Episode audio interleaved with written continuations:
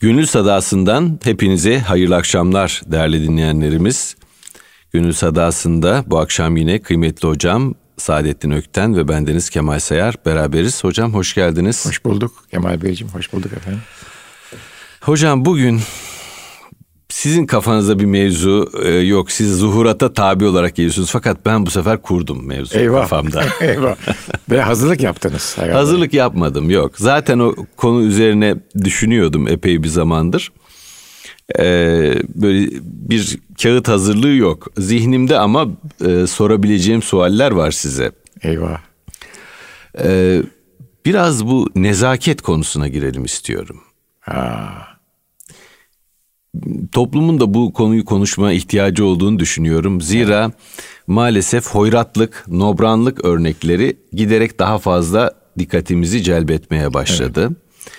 İnsanlar makam ve mevkiler üzerinden bir başkasına tahakküm etme istidadı gösterebiliyorlar. Evet. güçlerini, kudretlerine göre e, başkalarını ezmeye, onlara buyurmaya, onların kişiliklerini tezif etmeye gayret edebiliyorlar. Bunun e, örnekleri oldu e, ama bunları biz çoğaltmayalım. Batılı tasvir batıldır e, e, hükmünce. Evet. E, ben şunu sormak istiyorum. Nezaket bizim medeniyet tasavvurumuzda, insanlık anlayışımızda, kainat telakkimizde nerede durur? Nerede durur? Siz bunu nerelerden okudunuz? Geçmişte tanıdığınız o e, güzel insanlarda, mübarek insanlarda. Peygamber sünnetinde. Evet. Başka bir yerden değil, peygamber sünnetinden. Çünkü yani onlar insanı halifetullah olarak görüyorlardı ki bu ilahi tebliğ böyle. Kendisine ruh üflenmiş. İyiliğe de meyal, kötülüğe de meyal. Şeytanla da dost olur, Allah'la da dost olur, Allah dostlarıyla da dost olur. Böyle görüyorlardı. Dolayısıyla her insanın ama daha kundaktaki bebekten başlayarak güzel söze, yumuşak bakışa, tebessüme, tatlı bir ses tonuna buna çok dikkat ederlerdi Kemal Bey. Yani söz güzel olur ama söyleniş biçimi, üslubu, ses tonu güzel değildir, tatlı değildir, kulağa hoş gelmez, ruhu okşamaz. Dolayısıyla bunlara dikkat ediyorlardı ve tabii ki güzel mekanlara dikkat ediyorlardı. Nezaket buradan başlıyor. Tabiatıyla yaşanan hayatın muhtelif veçeleri var. Her veçe içerisinde her kültür, her toplumsal ortam kendine göre nezaket kuralları ortaya koyuyor. Adetler, usuller, biçimler, ananeler. Bu şekilde bir e, gelişme. Böyle oldu hadise. Bunun da başlangıcı selam ve temenniler günlük hayatımızda. ile başlıyordu nezaket dediğimiz hadise. Fakat o zaman toplum çok e, yoğun ve yakın yaşamıyordu. Bu çok önemli bir şey benim yani son 10 yıllarda İstanbul'da hissettiğim, gördüğüm o. Özellikle İstanbul diyorum çünkü Taşkan'ın diğer şehirlerine de ara ara gidiyorum. Orada bu kadar yoğun ve yakın yaşanmıyor. Yo- yoğun yaşamaktan kastım biz birey olarak her an bir hadise ve haber bombardımanı altındayız. Evet. Yoğun yaşama bu. Yani iç dünyamız bunları algı düzeyinden duygu düzeyine indirgemeden, anlayış idrak düzeyine indirgemeden yenisi geliyor arkadan. Hazmedemiyoruz değil mi hocam? Ha- ta- anlamlandıramıyoruz bile. Bırakın hazmetmeyi anlamlandıramıyoruz bile. Yenisi geliyor, yenisi geliyor. Bu yoğun yaşama. Haber yorgunluğu, malumat yorgunluğu oluyor. Bir yazarın bir gözlemini aktarmak istiyorum. Buyurun, Diyor tabii. ki Hollanda'da e, bir kafeye girdim. Herkes neşeli neşeli sohbet ediyor filan. E, o sırada haberlerde işte Orta Doğu'da insanların bedenlerinin parçalandığı e, korkunç bir katliam haberi e, işte flash haber olarak haber bültenine girdi. Birdenbire diyor bir sessizlik oldu kafede. Çünkü herkes televizyonlara da bakıyor bir tarafıyla, e, gözünün bir ucuyla. Bir sessizlik oldu. Herkes kilitlendi ve ekrana bakmaya başladı. Çünkü çok ağır bir hadiseydi, bir E, faciaydı. tabii. 30 saniye süren sessizlikten sonra haber değişti ve insanlar yeniden e, eski şen şakrak, neşeli e, konuşmalarına, sohbetlerine döndüler. Evet.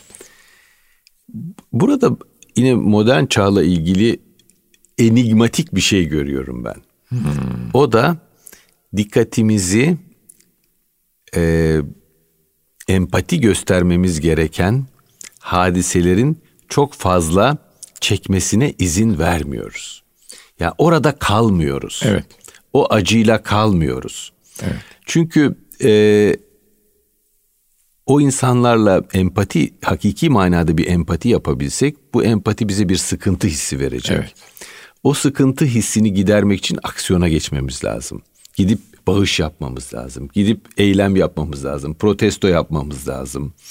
İnsanların canlarını alan, canlara kıyan sistemleri kınamamız gerekiyor. Bizden eylem bekliyor bu hadise. Tabii. O sıkıntıyı bertaraf etmek için ne yapıyoruz? Yüzümüzü dönüyoruz, yüzümüzü çeviriyoruz. Bir Gör, mesafe koyuyoruz. Görmezden geliyoruz. Görmezden e, geliyoruz veya Zygmunt Bauman'ın çok yerinde ifadesiyle ahlaki körlük geliştiriyoruz. Hı hı. Görmemeye başlıyoruz artık. Bizimle ilgili olan şeyleri görüyoruz. Bizimle ilgili olmadığını düşündüğümüz, bize uzak coğrafyalarda veya bize yabancı insanların yaşadığını düşündüğümüz şeyleri görmemeye başlıyoruz. Bu da e, yavaş yavaş bir e, yorgunluğu, haber yorgunluğu, e, empati yorgunluğu, merhamet yorgunluğu dediğimiz evet. hadiseleri evet. beraberinde getiriyor. Evet. evet. İşte oradan da ego ortaya çıkıyor. Yani bizi rahatsız edecek olan şeyler belki bizi terbiye edecek. Aha. Ama biz oradan kaçıyoruz. Çok güzel, evet. E, ikincisi de e, yakın yaşıyoruz. Yani insanlar birbirleriyle çok yakın yaşıyorlar. Halbuki malumunuz her insanın bir güvenlik bölgesi vardır. Şimdi mesela iki dost oturduğu zaman fiziksel olarak aralarındaki hmm. mesafe 1-2 metredir. Ama aralarındaki mesafe 0 metre olursa bu iki dost arasında bir sıkıntı ortaya çıkar. Ee, hem maddi hem manevi. Bir de biz bugün e, özellikle büyük şehirlerde, modernleşen büyük şehirlerinde çok yakın yaşıyoruz. Bu ikisi yoğun ve yakın yaşamanın getirdiği bir gerilim var üzerimizde. Siz biraz evvel söylediğiniz ahlaki körlük dediniz. İşte o da bir manada egoyu yükseltiyor. Bu gerilim e, insani bir gerilim değil. Beşeri bir gerilim değil. Bu biraz vahşi bir gerilim. Bu gerilim bizi e, içimizdeki o küçük canavarı, canavar diyeyim veya binek hayvanı diyeyim, onu tetikliyor. Ve o e, başlıyor e, nezaketsizliğe, hoyratlığa. Çünkü ancak o şekilde tatmin oluyor. Uzak yaşasak ve yoğunluk az olsa içimizdeki ruhi e, enerji daha güçlü olarak ortaya çıkacak ve diğerini nefsani enerjiyi dengeleyecek, bastıracak diye düşünüyorum. Bunun denemelerini ben kendi hayatımda yaptım. Ama bireysel bir şey yani. Mekanı ona göre düzenlerseniz, ha, bu arada şunu söyleyeyim, bir takım şehirsel avantajlardan vazgeçebilirseniz, mekanı kendinize göre düzenlerseniz ve hayatınızı sadeleştirirseniz görüyorsunuz ki içinizdeki ruhi enerji, o hani İslami tabirle yani nefa, ilahi nefa harekete geçiyor, hayata geçiyor ve siz bu defa insanlara karşı daha munis, daha yumuşak, daha müşfik oluyorsunuz. Ee, ötekisini çok suçlayamıyorum çünkü öyle bir e, kalabalık ve yoğun baskı altındalar ki hı hı. sıkılıyor. O sıkılmayı ancak büyük ruhlar hala devamlı olarak e, yumuşaklıkla, nezaketle ifna edebilirler. Ama sıradan insan o sıkıntısını e, işte egoist patlayışlarla iterek, kakarak, bağırarak, ses tonunu yükselterek, fiziksel şiddetle televizyonlarda e, komedi dizilerinde görüyoruz. Metrobüse biniş hadisesi. Neden? E çünkü zor bir şey bu yani. Çok yoğun ve çok yakın bir yaşama var. Halbuki çok rahat bir yaşama olsa yurt dışında yine maalesef söyleyeyim. Mesela Viyana'da kimse kimseyi itmiyor. Niye? Çünkü herkesin yeri var belli. Otobüsü belli, tramvayı belli. Ee, onlar U-Bahn diyorlar. Kalabalık değil Kalabalık. tabii 2 şehirler. milyon şehir 2 milyon ona göre altyapısı kurulmuş vesaire yani. Ve e, Viyana galiba hocam e, 40 senedir 50 senedir nüfusu değişmiyor. Değişmiyor tabii. Çok enteresan bir bitmiş şey. yani. E, kırsaldan kente şey e, akış bitmiş. Bir de nüfus artmıyor zaten Avrupa şehirlerinde bundan sonra. E, yani bunun fiziksel şartlarla alakası var. Tabii ki eğitimle de çok alakası var nezaketin. Hocam bu fiziksel şartlara ben de birkaç e, Lütfen, not düşebilir miyim? Lütfen tabii tabii tabii. Ee, Robert Sapolsky diye bir e, araştırmacı var, e, psikolog, davranış bilimci. Bu adamın ilginç bir kitabı var. Türkçe'de yayınlanmadı galiba. E, Zebralar neden ülser olmaz diye. E, onun tezi şu. Zebralar e, Afrika'nın savanalarından alınıp da hayvanat bahçesine konuldukları zaman ülser geliştiriyorlar. Neden? Kısıtlı hayata geçiyorlar. Özgürce koşabildikleri e, ovalardan, düzlüklerden e, hayatlarını kısıtlamak mecburiyetinde kaldıkları e, kafeslerin arasına giriyorlar. Ve e, daha sonra stresten ülser geliştirmeye başlıyorlar. Allah Allah. Çok enteresan değil mi? Evet. Ee, yine Desmond Morris'in meşhur e, kitabı aklıma geliyor. İnsanat Bahçesi diye.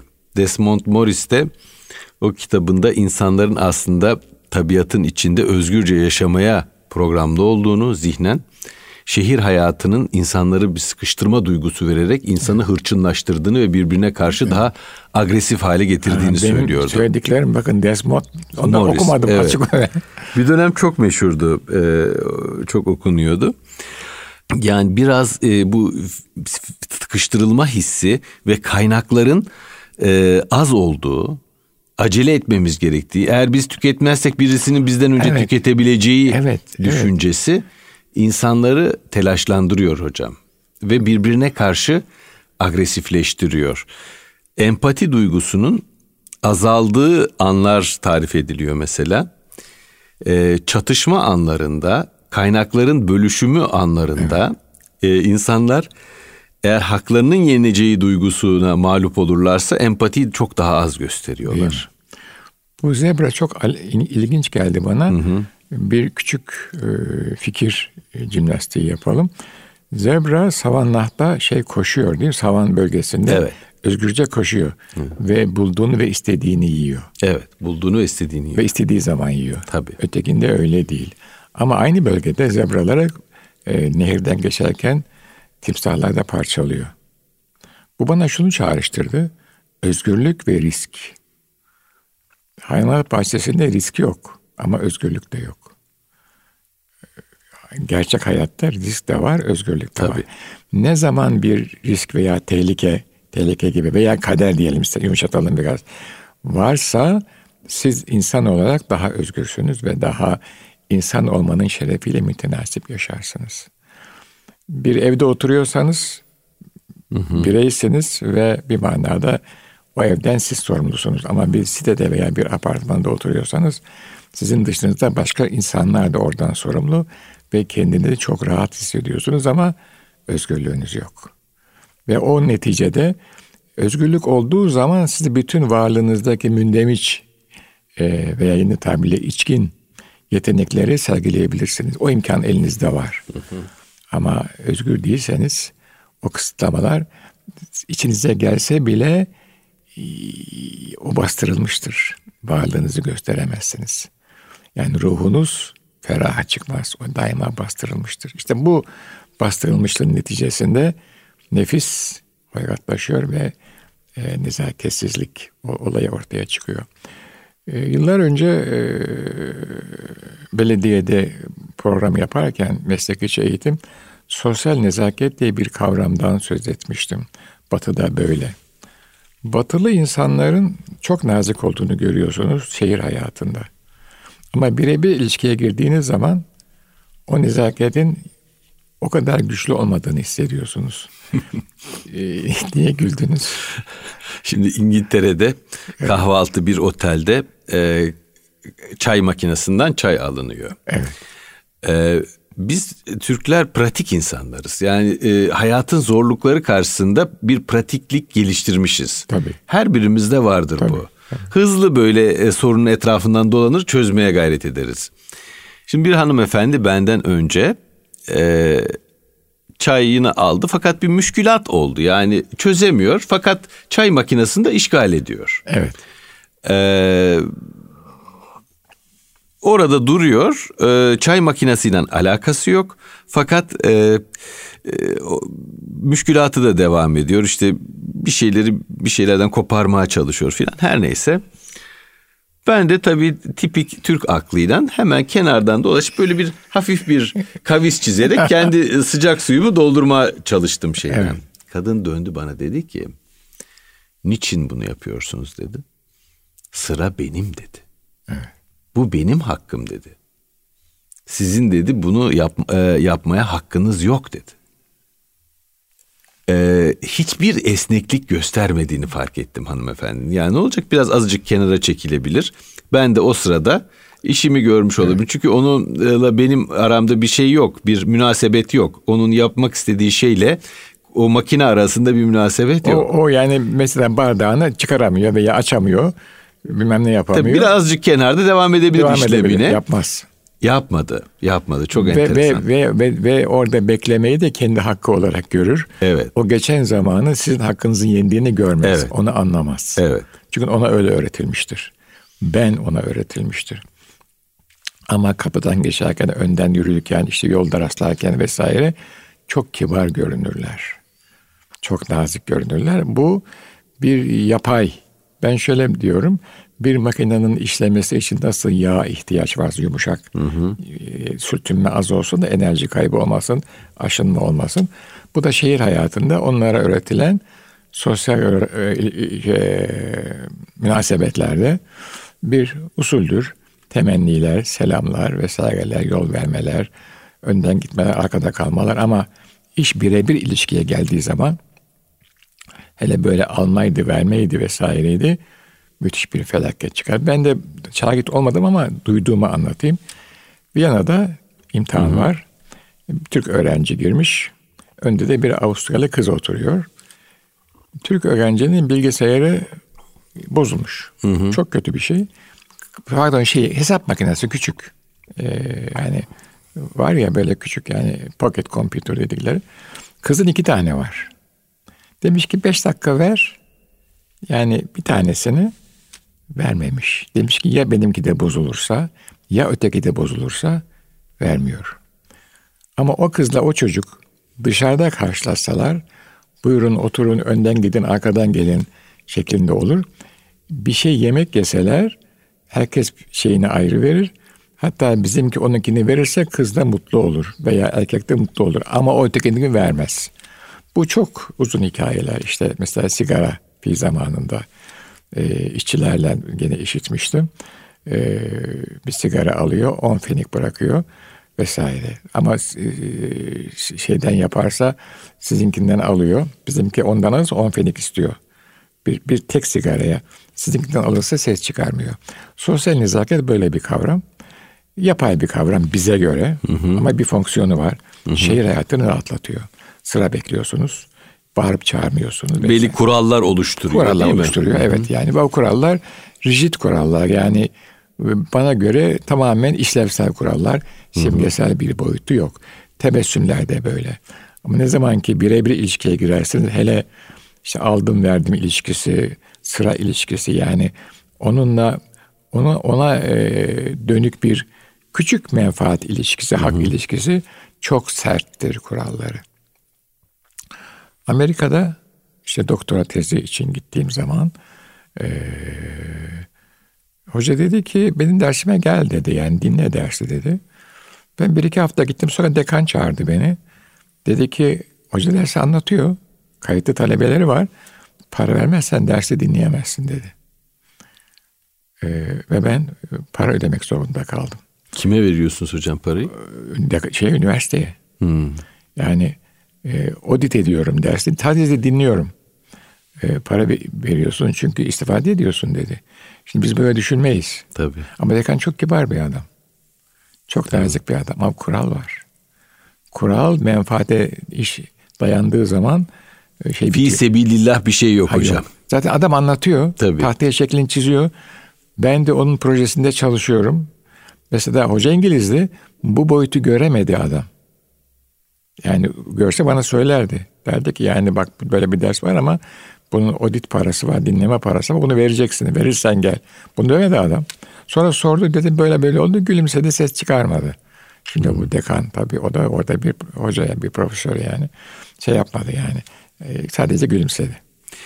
Tabii ilginç bir kural toplumu ve e, yani kurallar hiç esnemiyor. Bu bazen de e, insan hayatı üzerine çok büyük bir baskıya dönüşebiliyor Tabii. hocam.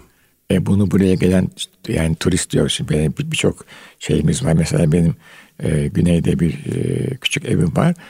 Komşum İrlandalı. Şimdi biz onunla görüşüyoruz yani. Evet. Aa, Yani böyle hafif mizahi Türkiye'deki hayatın esnekliğinden bahsediyor. Yarın diyor mesela. Yarın. Yani yarın inşallah. Yani bunları öğrendi yani filan. Rahat diye tabii tabii. Çok açmamak lazım. Yani bu e, kuralsızlık kapısını ama bu bizi yumuşatıyor, hayatı yumuşatıyor. Çünkü hiçbir zaman hayat planlandığı gibi gitmez farklı boyutlar ortaya çıkar. İşte e, biraz evvel sözünü ettiğimiz yani İslam peygamberinden Efendimiz'den gelen bir hilmiyetle olaya bakarsak bu hilmiyet illa yumuşak başlı olmak demek değildir. Mesela benim gene büyüklerimden öğrendiğim her nesle, her insana ayrı bir tür hilmiyetle bakacaksın. Talebeye hilmiyet içinde olacak, ciddiyet yüzünde olacak. Talebe biraz sıkıştığı zaman o hilmiyeti fark edecek. Baştan gösterirsen talebe hocayı ciddiye almaz. Peder bir muallimdi. Yani ciddi bir muallimdi. Onu çok üzerine e, basa basa dururdu yani. E, derdi ki talebe ciddiyet ve vakar ama hilmiyet içinde olacak. Yani yapamadı. Niye yapamadı? Yaptı, niye yaptı? Vesaire. Çocuklar böyle, dostlar böyle, beraber çalıştığınız insanlar böyle vesaire. Bizim medeniyetimizde nezaketin temeli Peygamber Efendimiz'dir. O onun insanlara bakışı, insanlara yaklaşımı, çocuklarla, hanımlarla, eşliğiyle olan, efendim, dostlarıyla, ashabıyla olan e, muaşeretidir. O tabii zaman içinde katlanarak gelmiş, yorumlanmış. Bir takım biçimlere bürünmüş ve bu vakte kadar gelmiş. Biz şimdi toplum olarak bu şehir hayatını yeni deniyoruz. Hı hı. Yani kapitalist şehir hayatını. Hı hı. Bu son 30-40 yılda deneniyor bu. Daha evvel biz kapitalist hayat yaşamıyorduk. Devletçiydik vesaire. O ayrı bir siyasi mevzu. Şimdi yani Batı'nın ürettiği ve kurallarını koyduğu o da çok önemli. Ve bu kuralları işler halde tuttuğu şehir hayatını biz yeni yeni deneyimliyoruz. Bunun hoşumuza giden tarafları var. Bu taraflara baktığınız zaman bu tarafların yani yine bir İslam medeniyeti açısından baktığımızda nefsani olduğunu görüyoruz. Konforu var tabii ki konforu var ama konforun tanımını yapmamız lazım. Biliyorsun hayatta her şeyin bir faydası bir de maliyeti var. Bunu ekonomistler çok iyi yapıyorlar fayda maliyet analizi. Hı hı.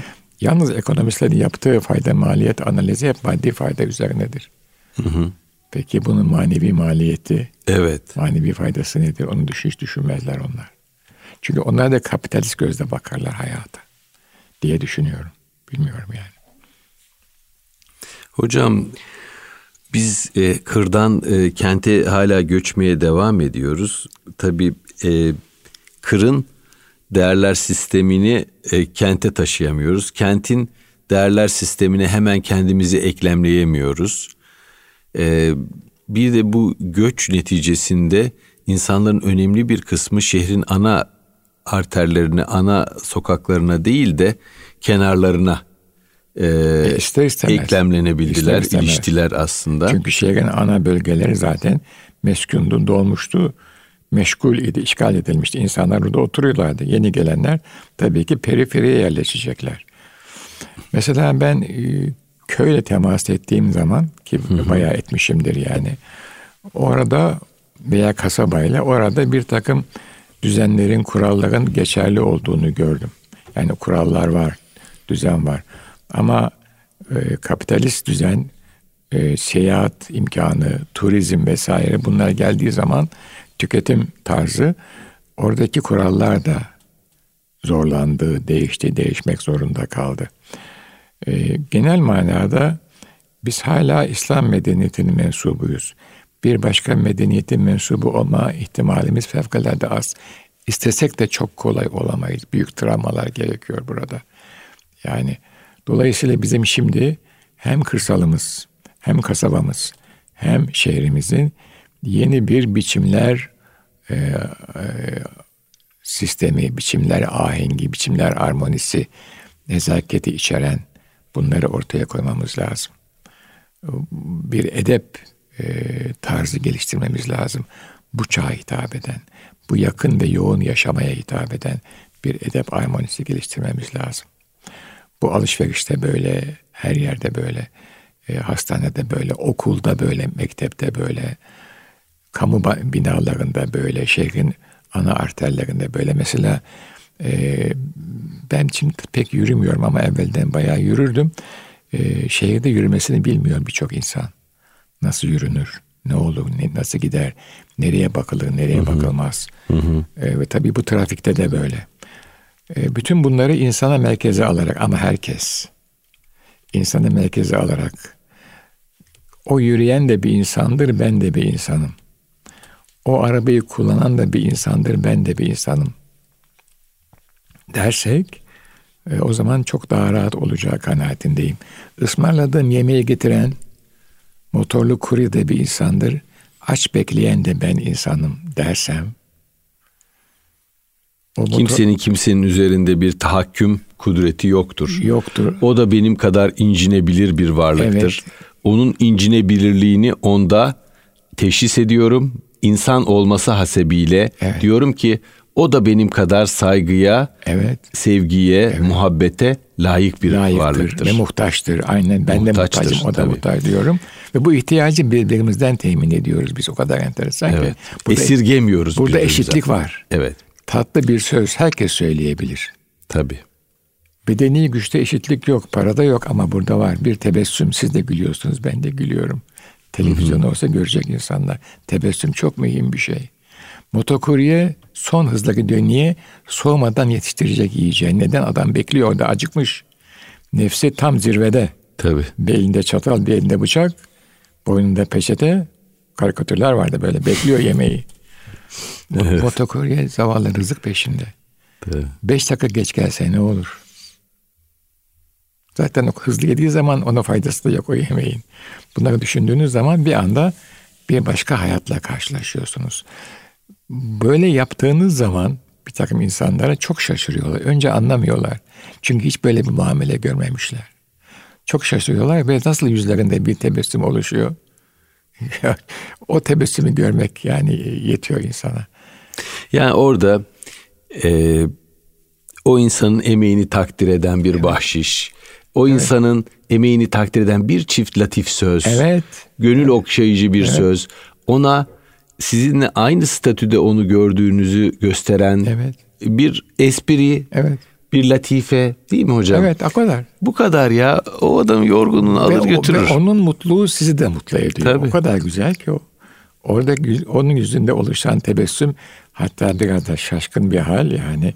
Çünkü hep gergin bir hayatı var. Bir anda adam gevşiyor. 3-5 saniye. Ve onun mutluluğu bir anda size yansıyor. Tabii.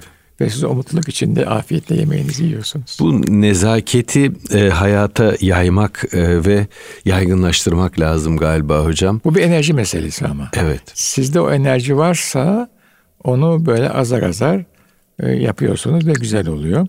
E, hı hı. Ve etrafınızda da bir e, küçük muhabbet halisi oluşuyor. Bir kısmı ya işte bu adam çok akıllı değil, menfaatini izlemiyor ama onlara da, onlara da diyorsunuz ki bu kader meselesi yani. Menfaatte gelir gider olur biter olmaz. Yani e, kısmet neyse olur. Ama o mutluluk öbür insanlar da onu görüyorlar. Ben yine kendimden bir örnek Hı-hı. vereyim. Ee, üniversitedeyken e, benim odada çay makinesi kaynardı. Ee, bir takım çocuklar, e, şimdi hepsi profesör oldu, şu oldu, bu oldu ya, gelirlerdi, otururlardı. Hı hı. Saat beşten sonra, bazen daha erken, dereden, tepeden, gündelikten, e, tarihten, coğrafyadan, edebiyattan, yani felsefeden, neydi, matematikten konuşuyorduk, mühendislikten. Ee, diğer arkadaşlar derlerdi ki keşke bizim de boş vaktimiz olsa da biz de e, böyle yapsak. Yaparsın inşallah derdim ben. Benim için o bir boş vakit değildi. Esas dolu, dolu vakit o vakitti. Hmm. Bu insanlar diyorlar ki bugün de hala devam ediyor buna benzer süreçler. Efendim çok istifade ettik. Doğru. Esas istifade ise benim. Onu size söyleyeyim yani. Evet. Niye? Çünkü birçok done geliyor bana onlardan. Hı Veri veri geliyor. Bu verilerin illa ilmi olması hı şart değil. insani veriler geliyor. Tabii. Meseleyi öğreniyorum. Tabii. E, case study'ler geliyor. Onu nasıl söyleyeyim yani? Hal, durum, Hı-hı. durum incelemesi. E, sosyal hayat çocuk anlatıyor halini, tavrını, nereden geldiğini, nereye gittiğini. Oraya gitmeye gerek yok. Üç beş kelimeyle ben onu anlıyorum zaten. Bundan büyük zenginlik mi olur ve insanı tanıyorsunuz. Tabii. Bir yazarın bir sözü var diyor ki hayatta karşılaştığım her insanı kendime bir şey öğretecek bir üstad bildim diyor. Evet. Evet. Sokaktaki adamdan da çok şey öğrenebiliriz. Tabii, tabii, tabii. Çünkü hepsinin üzerinde bir kader var ve o kader o insanlarla beraber hayat buluyor. Yani e, tiyatro yazarı piyesi yazıyor ama aktör oynamazsa o piyes kitaptadır. Tabii. Aktör oynuyor. E, siz beni daha yakından tanıyorsunuz. Yani benim e, eskiden böyle avamın nas'tan çok tanıdığım var ve çok severim onları. Onlar da beni severler. Onlarla onların meselesini konuşuruz. Kantan, Auguste Comte'dan konuşmayız. Çok da güzel olur yani. Hayata değmek de önemli hocam. Değil mi? Sadece soyut düşünceler arasında şey dolaşmak olmaz. insanı hayata kapatan bir şey. Kendimizi hayata açmak e, sıradan insanın dertleriyle evet. de meşgul olmak evet. demek. Evet. O sıradan insanın dertleri bazen e, bir sürü felsefi çağrışımlar da içeren dertlerdir Muhteşem, aslında. Tabii, tabii, tabii. Kelimeye dökülmemiştir. Evet. Ama siz onu yakalıyorsunuz oradan tabii. yani. Evet. Nezaketi güçsüzlerin erdemi olarak görenler var. Bu diyorlar şey, ki bu Nietzsche'nin felsefesi evet, diyorlar ki nezaket bir kırbaçtır. İşte güçsüzler bu kırbacı kullanır evet. e, ve e, güçlüleri yola getirmeye çalışırlar nezaketle. Bu, bu yanlış bir laf. Yanlış. Doğru, doğrudur. E, ikincisi mi diyorsunuz? Evet yani e, nezaket öyle bir kırbaçtır ki tatlı söz. Hı hı. O büyük egoyu bir anda perişan edebilir yani. Onu insani tarafına dokunur. Hı hı. O açıdan aciz bakın aciz başka bir şey, nezaket başka bir şey. Bütün insanlar esasında acizdir. İslamiye bakarsanız, İslam medeniyeti tasavvur açısından bakarsanız. Çünkü aciz olmayan üstün sonsuz yetenek, yetki Cenab-ı Rabbül Alemin'dir. Onun size verdiği kadar kudret sahip olursunuz. Şimdi çocuğa Kadir, Kadir ismini koyuyorlar. Onun doğrusu Abdülkadir'dir yani. Tabii. Neden? Kudret onda çünkü. O size verir. Böyle çok e, hayatımızda eskiler eskiler ibret derler. İbrete alem. Şimdi hastalık diyorlar. Çok güçlü bir adam etrafına kasıp kavuruyor. Bir felç geliyor. Dili tutuluyor, eli tutuluyor. O vurduğu, kırdığı el artık kalkmaz, tutmaz oluyor. Eskiler derlerdi oh yaptı mı bak Allah'ın elini aldı, ayağını aldı. Şimdi efendim felç geldi diyorlar. Fiziksel hadise değişmiyor. Bunu Hı-hı. siz hekim olarak ne diyorsunuz? Yani hastalık değil mi? Bu bir ismi var onun. Ee, o değişmiyor. Yorum değişiyor. Hı Tabii. Allah Tabii. diyorlar o çünkü çok zulmetti. Allah eline aldı, dilini tuttu. Adam kötü konuşuyor. Olayları metafizik bir perspektife yerleştiren e, bakış e, yerini maddi dünyada her şeyi izah eden bakışa bıraktı hocam. Bıraktı, evet. Bu çok enteresan bir şey. Şimdi bir meşhur bir film vardır. Belki daha önceki programlarımızda bahsettim ama tekrar olsun. Olsun tabii efendim. Ee, bir Amerikalı antropoloji öğrencisi Meksikalıların çalıştığı bir köye geliyor. E, yaşadığı bir köye geliyor. Meksika köyünde araştırma yapacak. Ee, sonra bir tane adama tesadüf ediyor. Adam kendi kendine konuşuyor. havada bir şeyler görüyor. Onlara cevap yetiştiriyor. Kendi kendine gülüyor filan. Hemen koşuyor muhtara diyor ki ya diyor Jose Antonio diyor kendi kendine konuşuyor diyor. Ee, yaşı da epey ileri diyor. Ee, bence o bir Alzheimer başlangıcı diyor. Siz belki bilmiyorsunuzdur bu hastalığı. Ee, buna artık ilaçlarla falan bir ölçüde tedavi edilebiliyor. Bir, bir an önce bir doktora götürelim diyor. Muhtar ona bakıyor diyor ki ha Jose mi diyor. Arada bir diyor meleklerle konuşur o diyor. Evet. Yani bir taraftan hayatı böyle tamamen maddi süreçlerle izah eden, anlayan bir şey. Bir taraftan da gayb alemine yer veren bir bakış. Tabii. Görünmeyene de görünür kadar değer veren bir bakış. Evet. Şimdi o açıklamada sizin az önce bahsettiğiniz açıklamada görünmeyen tabii, tabii. hayatın yanı başında. Tabii. Melekler yanı başımızda. Tabii. Allah bize şah damarımızdan yakın. Tabii.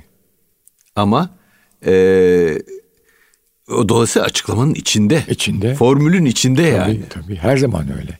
Tabii. Ve siz böyle büyüyorsunuz yani. Allah eline aldı, ayağını, dilini aldı. Hep beddua ederdi. Hep e, fazla galizeyle konuşur. Bak Allah susturdu onu diyorlar yani. Adam konuşamıyor. evet. E, şey olmuş. Yani felç gelmiş.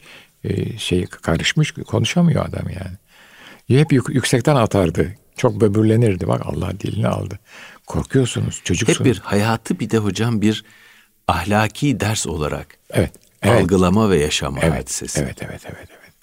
Şimdi dün ben e, uzun bir aradan sonra e, Bostan ve Gülistan'ı aldım yeniden elime. Ben e, ortaokul e, e, talebesiydim. Eyvah, eyvah. Hürriyet klasiklerinden onları yutmuştum. Eyvallah. E, anlayabildiğim kadar tabii, o dönemde. Tabii. Şimdi baktım nasıl derya deniz kitaplar. Sadi'nin Bostan evet. ve Gülistan'ı e, ahlak el kitabı gibi. Tabii. Hatta psikoloji el kitabı. Tabii. Zaten o zaman ayırmıyorlar. İnsan bir bütün. Tabii, tabii, tabii. Şimdi ayırdılar. İnsan bir tabii. bütün. Yani o holistik yaklaşım insan bir bütün hiç ayırmıyorlar onu. Hayata böyle bakıyorlardı. Evet, evet. Hocam bu e, nezaket e, mevzuunda insan e, işte hayata daha metafizik bakış açısından baktığı zaman karşısındaki in, insanı varlığı incitmemekten e, evet. incitmemeye gayret ediyor. Evet. İncitmekten geri duruyor. Çünkü o ona emanet. Tabii. Bak, Herkes birbirine rapt herkes, edilmiş. Evet. Evet.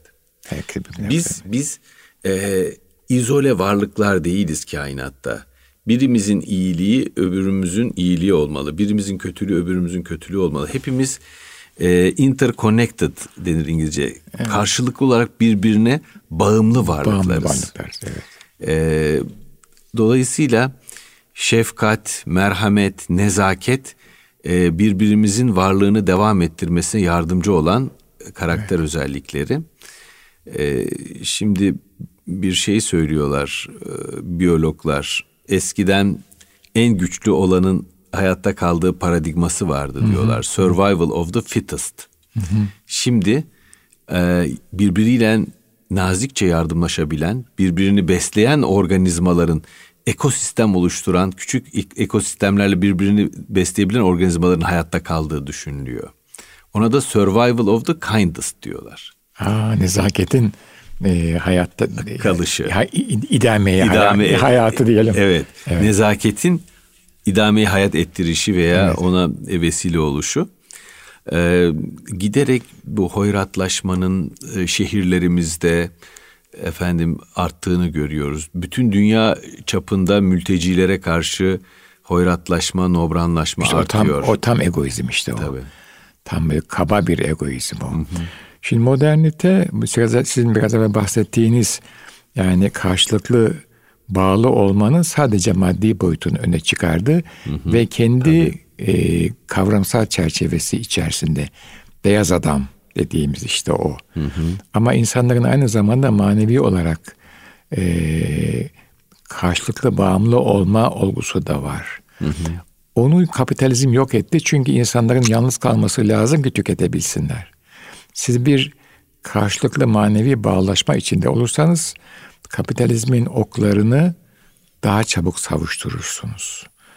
Ee, o zaman da işte e, ego, egolar çok öne çıkıyor ve neticede kuru bir nezaket kalıyor ortada.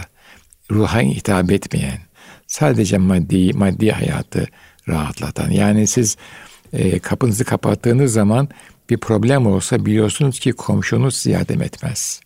Edemez, iste, istemez böyle bir şeyi. Ancak sosyal birileri gelir ederse eder, o da olabildiği kadarıyla. Bunun Hı-hı. çok örnekleri var. Hı-hı. Yine Viyana'dan bir örnek vereyim. Yaşlı bir kadın tek başına yaşıyor. Hı hı. Ee, problem olmuş. Telefon ediyor, kimse gelmiyor. Oldu da gelmiyor, işi var çünkü. Ne, neden sonra e, sosyal e, yardım sitesi geliyor. Kadın 80-90 yaşında. Neden sonra gelebiliyor? Çünkü onlara da erişememişler vesaire vesaire. Ama komşu Ayşe Hanım, Fatma Hanım, Ahmet Bey gelmiyorlar. Zaten kadın edemiyor bunlara telefon. Çünkü gelmeyeceklerini biliyor. Öyle bir atmosferde yaşıyorlar. Ama 100 sene evvel, 200 sene evvel olaydı mutlaka birileri gelirdi. En azından mahallenin papazı gelirdi. Tabii. Tabii. Niye? Çünkü onlar da insandı ve kapitalist düzen henüz oralara nüfuz etmemişti. Türkiye'ye bu yeni geliyor şimdi. İnşallah çok fazla hasar yapmadan bu evet. dalgayı atlatırız. Evet hocam e, yani bununla ilgili e, bir batılı düşünürün kendi toplumunu eleştirdiği yazısında şöyle diyor. Biz batı toplumunda paraya ve maddi çıkara tahvil edemediğimiz ilişkileri kaybediyoruz. Evet. Onlara değer kaybettiriyoruz. Evet. evet. Ee, yakınlığın ölümü, samimiyetin ölümü adını veriyordu Hı-hı. buna. Ee, bakıyorsunuz e, mesela İngiltere'de Yalnızlık Bakanlığı kurulması öneriliyor. İntihar Bakanlığı var. O da yalnızlıktan ortaya çıkıyor. Tabii. Yani ruh sosyal bağlar hızla kaybediliyor. Tabii. Ruh ee, bir teselli arıyor. Tabii. Mahir Hoca'nın bir melce arıyor, sığınacak bir yer arıyor. Hı hı. Bir dost yok. Evet. Yok. Bir dost bulamadım gün akşam gün oldu. Gün akşam oldu. Evet. Eyvallah. Evet. Allah dostluğu baki kılsın, Amin daim etsin inşallah. Ee, değerli dinleyenlerimiz bir gönül sadasının daha sonuna geldik. Kıymetli hocam Saadettin Ökten ve bendeniz Kemal Sayar. İki, e, hepinize hayırlı bir akşam diliyoruz. Önümüzdeki hafta görüşmek üzere.